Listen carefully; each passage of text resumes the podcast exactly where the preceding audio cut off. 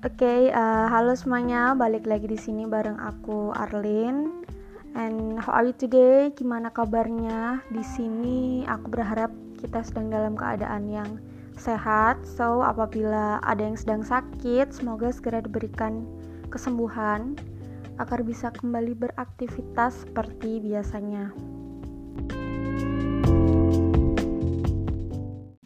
Jadi, kali ini kita akan membahas tentang satu fenomena yang sedang menjadi pusat perhatian oleh banyak negara di dunia, yaitu tentang COVID-19 atau virus corona.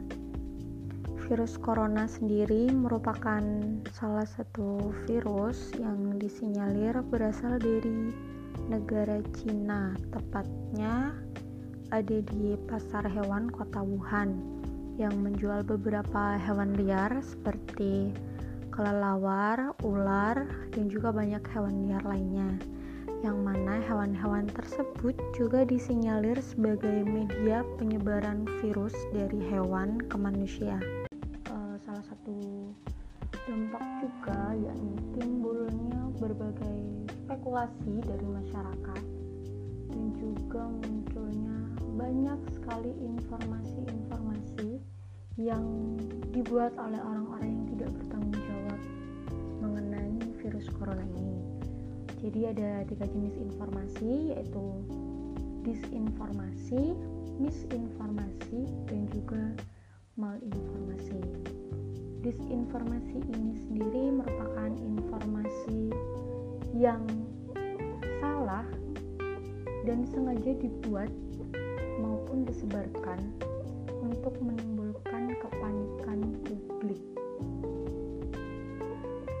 Informasi ini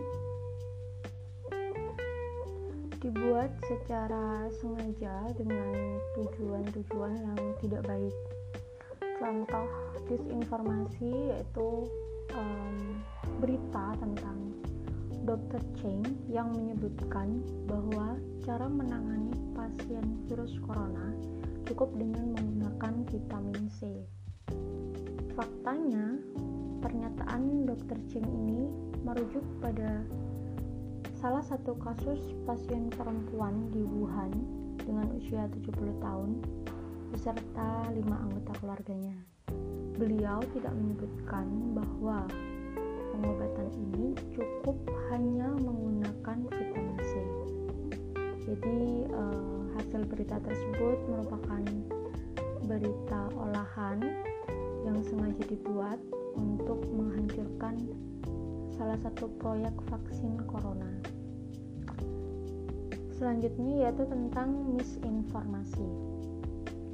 Misinformasi ini juga merupakan informasi yang salah namun, informasi tersebut diyakini benar oleh para penyebarnya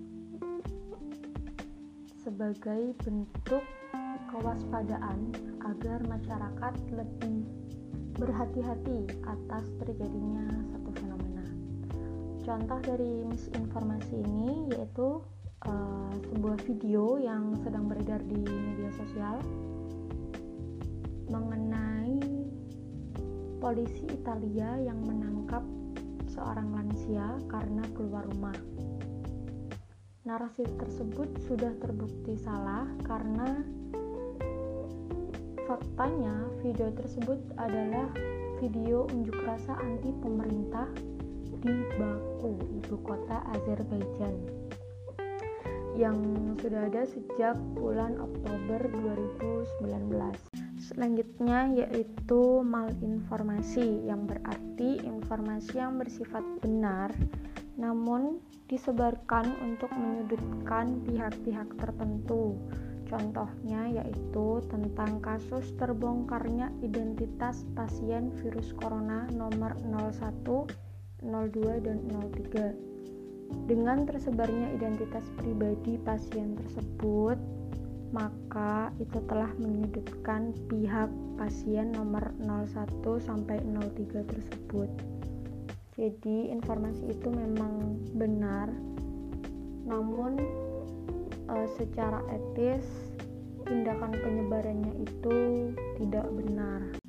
Nah, untuk mengurangi kepanikan publik atas beredarnya berbagai informasi yang salah tersebut, masyarakat Indonesia bisa mencari informasi yang sudah dipastikan benar dan valid, yang mana informasi itu juga tersedia di internet melalui website-website resmi seperti website dari Kementerian Kesehatan, website dari WHO atau World Health Organization dan juga dari CDC atau Centers for Disease Control and Prevention yaitu Pusat Pengendalian dan Pencegahan Penyakit Amerika Serikat. Di Indonesia sendiri mengenai virus corona itu sudah ada informasi satu pintu yang dapat diakses di, di www.covid19.go.id.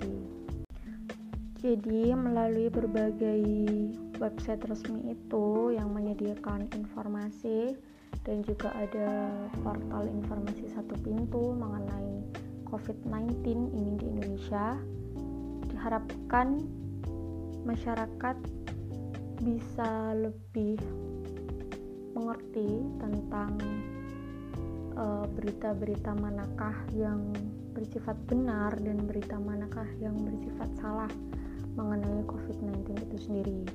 Sehingga nantinya masyarakat dan juga pemerintah dapat bersinergi untuk sama-sama melawan COVID-19 ini di Indonesia okay, enough untuk pembicaraan kita kali ini.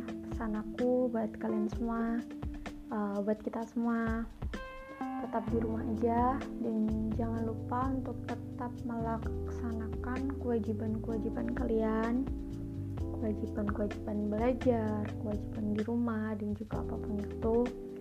Jangan lupa jaga kesehatan, dijaga pola makannya dan juga tetap olahraga. Jangan panik dan ikuti terus perkembangan informasi yang ada.